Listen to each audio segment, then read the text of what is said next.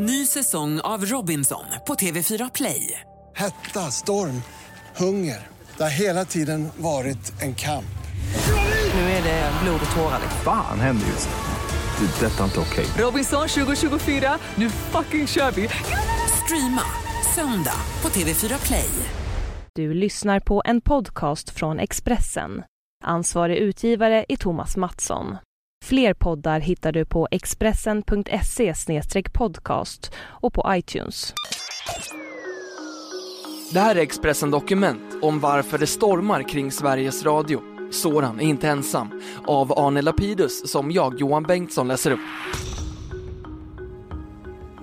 Sidekicken kickas åt sidan och årets första mediestorm är ett faktum. Protestropen skallar ännu, snart en vecka efter att Sveriges Radio satte Soran Ismail i karantän för hans uttalade åsikter om Sverigedemokraterna. Det är obegripligt att frågan om Soran är så känslig idag efter monopolets avskaffande. Men samtidigt är det bra att Sveriges Radio är i blåsväder så att allmänheten påminns om att det är ett företag med speciella förpliktelser och privilegier, säger medieforskaren Anna Edin.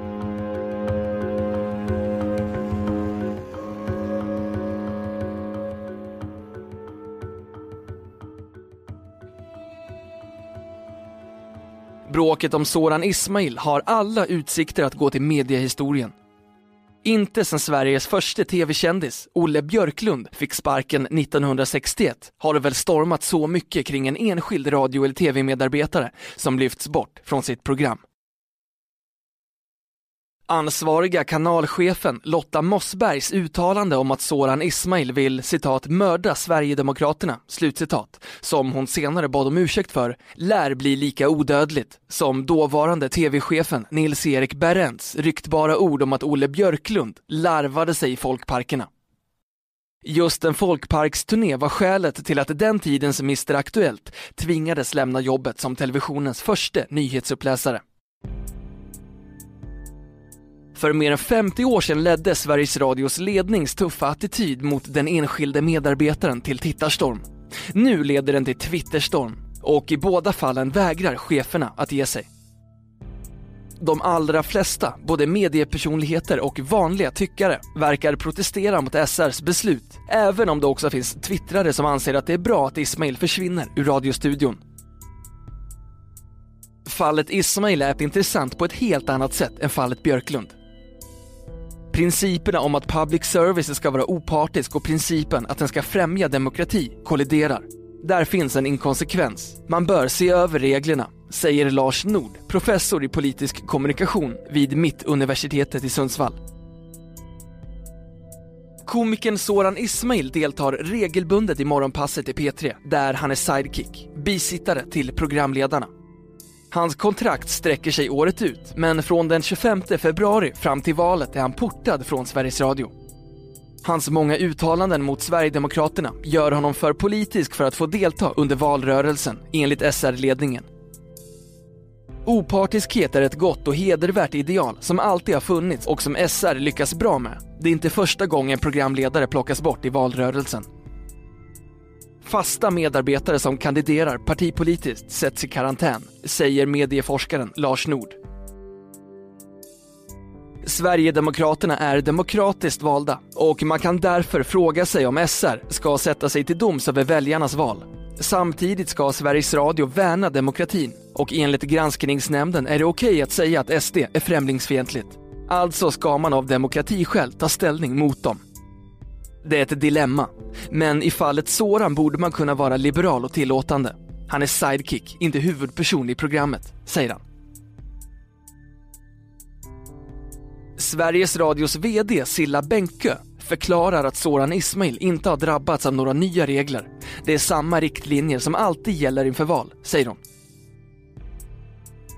I korthet innebär de att en medarbetare som tydligt tar ställning för eller emot ett parti inte samtidigt kan ha en framträdande roll i våra program. Till exempel inte vara programledare.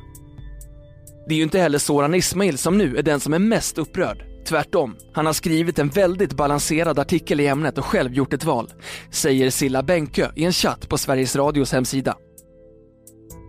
Ismail bekräftar i en debattartikel i Expressen att beslutet skett i samförstånd med SR. Men han frågar sig i samma artikel om det är oproblematiskt att tvingas vara opartisk gentemot ett parti som förstör vårt land.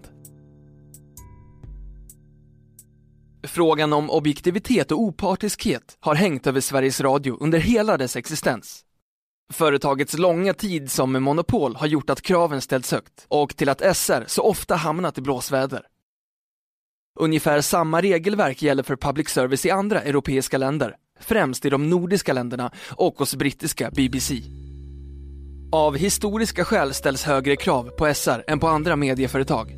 De strikta kraven på objektivitet, opartiskhet och balans var under lång tid framförallt förpliktelser som skulle motsvara privilegierna att ha ensamrätt på etermedieområdet och ta ut licensavgift, säger Anna Edin, docent i medie och kommunikationsvetenskap på Högskolan i Gävle. Därför har SR under perioder blivit starkt kritiserat. Debatten var särskilt intensiv på 60 och 70-talen då företaget anklagades för både vänster och högervridning Ibland ställdes nästan orimliga krav på millimeterrättvisa, men en massa utredningar gav SR godkänt. Ett klassiskt exempel på SRs strävan efter objektivitet är när man avsiktligt rekryterade reportrar av olika politisk kulör till det nystartade Rapport 1969. Det var de så kallade kraftkornen. Ett blått, Sam Nilsson, Moderaterna. Ett rött, Allan Larsson, Socialdemokraterna ett grönt, Ivar Persson, Centern. De skulle balansera varann, men det blev ett kortvarigt experiment. Larsson gick tillbaka till politiken och blev så småningom finansminister. Nilsson gjorde tv-karriär och blev SVT-chef. Henrik Järrell, hallåman i tv, som stängdes av från programverksamhet när han kandiderade för Moderaterna i landstingsval, säger att citat, man övergav idén om kraftkonen för att den var ohållbar. Alla tre skulle kommentera större politiska händelser. Slutcitat. Jag tror reglerna är väl genomtänkta, även om det kanske finns skäl att se över dem. Man måste vara extra observant när det gäller valår, särskilt i ett supervalår som i år. Programmedarbetarna får inte gynna någon partipolitiskt, säger han.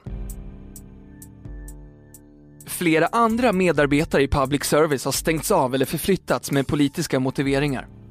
Cecilia Udén, idag Sveriges Radios Mellanöstern-korrespondent, stängdes av från uppdrag i två veckor under hösten 2004 sen hon uttryckt stöd för en amerikansk presidentkandidat och sagt att Sveriges Radio inte behövde vara opartiskt i USA-valet. Den populära tv-meteorologen Åsa Bodén tvingades 1982 lämna tv-rutan för att hon offentligt hade tagit avstånd från löntagarfonderna, som var en politiskt mycket känslig fråga. Karin Hübinette, programledare på Agenda och Aktuellt, omplacerades 2010 när hennes syster Hillevi Engström blev försvarsminister. Sveriges Radio ansåg att jävsituationer kunde uppstå. Det var tråkigt att lämna ett roligt jobb, men jag blev inte förvånad. Jag kunde se de komplikationer det kunde ha medfört, säger Karin Hübinette. Idag programbeställare för samhälls och nyhetsprogram på SVT. Hon stödjer SR-ledningens beslut vad gäller Soran Ismail. För oss är det jätteviktigt att hålla balans och vara opartiska, särskilt under ett valår. Vi ska ta ställning mot rasism, inte mot politiska partier. Det står tydligt inskrivet i vårt avtal, säger Karin Hübinette. Kent Asp, professor i journalistik vid Göteborgs universitet, har i 30 år undersökt hur medierna bevakar valrörelser. Och han ger press, radio och TV ett gott betyg när det gäller att vara opartiska. Han anser att Sveriges Radio har följt sitt regelverk, men att det inte påverkar väljarna om Soran Ismail eller någon annan är programledare. I den större bilden har det ingen som helst betydelse. Det är kanske lite att underskatta lyssnare och tittare. De klarar av att sortera ut sånt här. Folk är inte korkade, säger Kent Asp.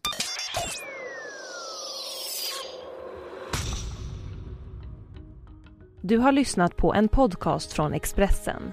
Ansvarig utgivare är Thomas Mattsson. Fler poddar finns på Expressen.se och på iTunes.